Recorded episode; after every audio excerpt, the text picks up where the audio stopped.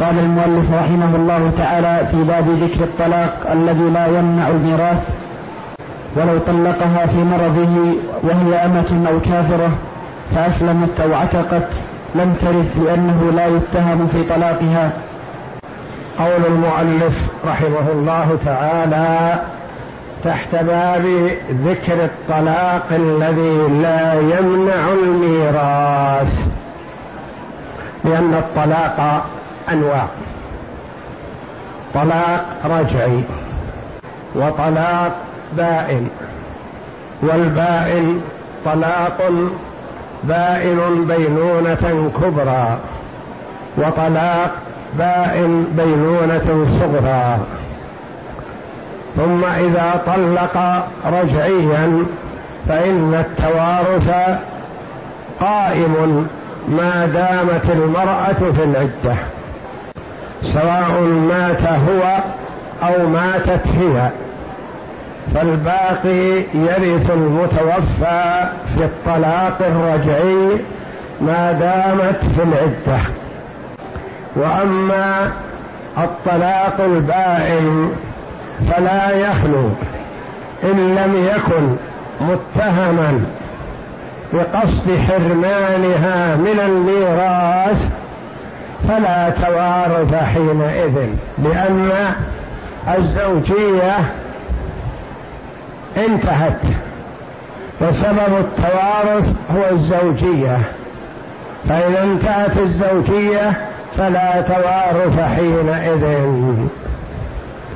أما إذا طلق طلاقا بائنا متهما بقصد حرمانها فهذا فيه التفصيل الآتي إن شاء الله. يقول رحمه الله ولو طلقها في مرضه وهي أمة أو كافرة فأسلمت أو عتقت لم ترث. طلقها في مرض موته فمات. لكنها لم ترث سواء مطلقة أو غير مطلقة لأنها إن كانت أمة فالأمة لا ترث لأنها إذا ورثت أخذت المال لسيدها. ويشترط في الميراث الحرية. أو كانت كافرة يعني كتابية. أي يهودية أو نصرانية فلا ترث كذلك لأنه يشترط في الميراث اتحاد الدين. أن تكون أن يكون دينها هو دين زوجها فطلقها في مرض موته أو في صحته وسواء خرجت من العدة. أو لم تخرج من العدة في هذه الأحوال لا ترث. طلقها وهي أمة مثلا فعتقت وهي في العدة في مرضه الذي مات فيه. لا ترث. حتى ولو عتقت لأنها حال الطلاق وحال الموت كانت أمة وليست حرة. كذلك طلقها وهي كتابية ومات وفي أثناء العدة أسلمت لترث. فلا ترث حتى ولو أسلمت لأن وقت استحقاقها للميراث حال الموت وحال الموت كانت كافرة كتابية يهودية أو نصرانية. ومن المعلوم أنه يجوز نكاح الكتابية اليهودية والنصرانية في أصل الشرع. لكن عمر بن الخطاب رضي الله عنه كان يضرب من تزوج كتابية يهودية أو نصرانية. فيقال له أحرام هو؟ فيقول لا ليس بحرام. لكن من باب التأديب والزجر عن موالاة الكفار وأن تتولى الكافرة تربية أولاد المسلم كان يزجر وينهى عن ذلك رضي الله عنه. ماذا سيكون الأولاد إذا كانت أمهم يهودية أو نصرانية؟ سينشأون على طريقتها وعلى مذهبها وعلى عقيدتها. وهذا محذور ولا يجوز للمسلم أن يقدم عليه إلا في حال الضرورة. ولو طلقها في مرضه وهي أمة أو كافرة فأسلمت أو عتقت كذلك لم ترث. لأنه لا يتهم في طلاقها ما في اتهام لأن أصلا لا توارث بينهما. نعم. وإن بانها في مرض موته على غير ذلك لم يرثها وورثته ما دامت في العدة. هذا في حال اتهامه بقصد حرمانها من الميراث. قال وإن أبانها في مرض موت على غير ذلك على غير ما تقدم. لم يرثها هو لأنه هو الذي طلق. وترثه هي ما دامت في العدة.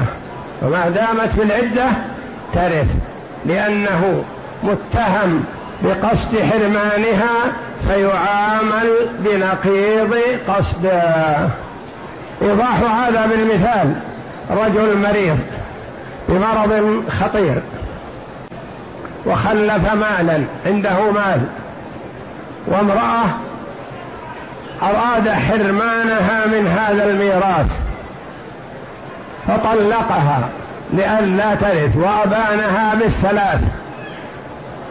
ثم بعد طلاقه إياها بأسبوع أو شهر مات. فتطالب هي بالميراث.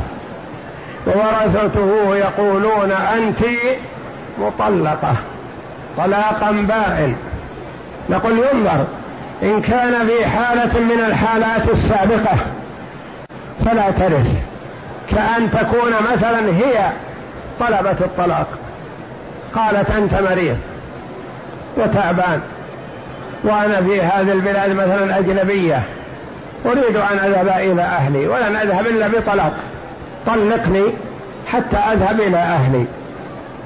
فطلقها لذلك. فهل ترث إذا مات؟ لا لأنه غير متهم بقصد حرمانها وإنما هي التي طلبت الطلاق. طلقها بقصد أن لا تأخذ مع ورثته. فمات بعد طلاقه إياها ورثته لأننا نعامله بنقيض قصده مثل ما عاملنا القاتل بحرمانه من الميراث الذي استعجل الميراث نعامله بنقيض قصده فنحرمه من الميراث. هذه هو نفسه طلقها ليحرمها من الميراث نقول لا نحرمها من الميراث. ما دام أن الطلاق من قبله هو وهو متهم بقصد حرمانها. إذا لم إذا طلقها بقصد حرمانها من الميراث وهي ما طلبت الطلاق فماتت بعد هذا بعد طلاقه إياها. هل يرثها هو؟ في هذه الحال لا لا يرث. لأنها امرأة بائن وهو بانها باختياره. لقصد أن يحرمها من الميراث فنحرمه هو من ميراثها. وإن بانها في مرضه؟ وإن بانها في مرض موته على غير ذلك لم يرثها وورثته ما دامت في العدة. ما دامت في العدة. فإذا انتهت العدة فالمسألة فيها خلاف. هل ترث أو لا ترث؟ وإذا تزوجت انقطع التوارث. نعم. لما روي أن عثمان رضي الله عنه ورث تناظر بنت الأفضل الكلبية من عبد من عبد الرحمن بن عوف وكان طلقها في مرض موته فبتها واشتهر ذلك في الصحابة فلم ينكر فكان إجماعا ولأنه قصد قصدا فاسدا في الميراث فعورض بنقيض قصده كالقاتل الدليل على هذا توريث المطلقة طلاقا بائنا في مرض الموت. أن عبد الرحمن بن عوف رضي الله عنه ومن المعلوم أنه كان من أكثر الناس مالا رضي الله عنه. طلق تماضر الكلبية في مرض موته الذي مات فيه. فورثها عثمان رضي الله عنه. فقال يعني ما طلقتها أو ما طلقها عبد الرحمن إلا بقصد حرمانها من الميراث فنعامله بنقيض قصده فنورثها. ولم ينكر هذا من قبل الصحابة رضي الله عنهم فكان بمثابة الإجماع على أن المطلقة طلاقا بائنا بقصد حرمانها من الميراث أنها ترث. يعامل المطلق بنقيض قصده. نعم. وهل ترث بعد انقضاء العدة؟ فيه روايتان إحداهما ترث لأن عثمان ورث امرأة عبد الرحمن بن عوف بعد انقضاء العدة. ولأنه فار من من ميراثها فورثته كالمعتدة. والثانية والثانية لا ترثه لأن آثار النكاح زالت بالكلية فلم ترثه كما لو تزوجت ولأن ذلك يفضي إلى توريث أكثر من أربعة نسوة من أربع نسوة بأن يتزوج أربعا بعد انقضاء عدة المطلقة وذلك غير جائز. وهل ترثه بعد انقضاء العدة. يعني في حال العدة ترثه وهذا كإجماع من الصحابة رضي الله عنهم. لكنها خرجت من العدة. وانقطعت آثار الزوجية. في المسألة روايتان. إحداهما تقول ترثه لأن عملناه بنقيض قصده وهو ما قصد إلا حرمانها من الميراث. فنورثها ولأنه روي أن عثمان ورث الكلبية هذه من عبد الرحمن ابن عوف بعد تمام عدتها. الرواية الثانية تقول لا ترثه. ما دامت خرجت من العدة لا ترثه. لما؟ لأنها قد تكون في عصمة زوج آخر فترث من زوج وهي في عصمة زوج آخر. ولأنه يترتب على هذا توريث خمس نسوة وهذا غير وارد ولا جائز. كيف يترتب على هذا؟ قلنا الذي عنده أربع وطلق واحدة فإنه لا يتزوج بدلها حتى تتم عدتها. ونفرض أن هذا الذي طلق واحدة من أربع مريض فتمت عدتها فتزوج أخرى بدل هذه التي طلقها. فإذا ورثنا الأولى المطلقة التي تمت عدتها ورثنا خمس نسوة. ورثنا الثلاثة الأول التي في عصمته وورثنا الأخرى الأخيرة التي عقد عليها وورثنا تلك التي خرجت عدتها. فهذا ممتنع لا يجوز أن يرث من الرجل خمس نسوة. فقيل ترث معاملة له بنقيض قصده وقيل لا ترث لأنه يترتب على هذا توريث خمس نسوة. وربما تكون تزوجت وقد انفصلت من زوجها الأول انفصال كلي وانقطعت العلاقة الزوجية فلا توارث ما دام خرجت من العدة. أما إذا كانت قد خرجت من العدة وتزوجت وهو لا يزال مريض ثم مات فإنها لا ترثه حينئذ أبدا لأنها في عصمة زوج آخر. نعم. والثانية؟ والثانية لا ترثه لأن آثار النكاح زالت بالكلية فلم ترثه كما لو تزوجت ولأن ذلك يفضي إلى توريث أكثر من أربع نسوة بأن يتزوج أربعا بعد انقضاء عدة المطلقة وذلك غير جائز. نعم. وإن تزوجت لم ترث لأنها فعلت باختيارها فعلا ينافي زوجية الأول فلم ترث كما لو تسببت في فسخ النكاح. وإن تزوجت لم ترثه لأن الزواج ما يتم لها إلا باختيارها. فإذا تزوجت باختيارها معناه أنها انتهت علاقتها بالزوج الأول ولا تطمع في ميراث ولا في غيره فهي لا ترث حينئذ.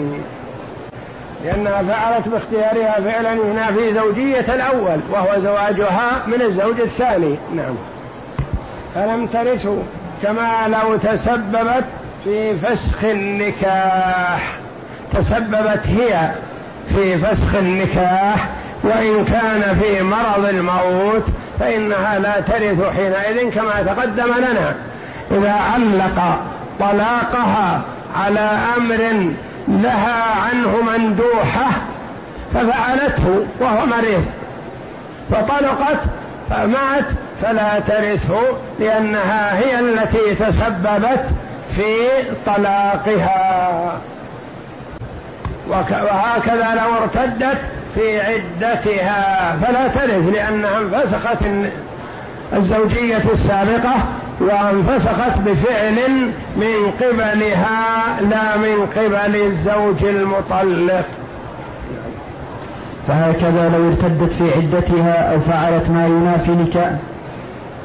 فهكذا لو ارتدت ثم أسلمت في عدتها ففيه وجهان. أحدهما ترث لأنها مطلقة في المرض أشبه ما لو لم ترتد. والثاني لا ترثه لأنها فعلت ما ينافي النكاح.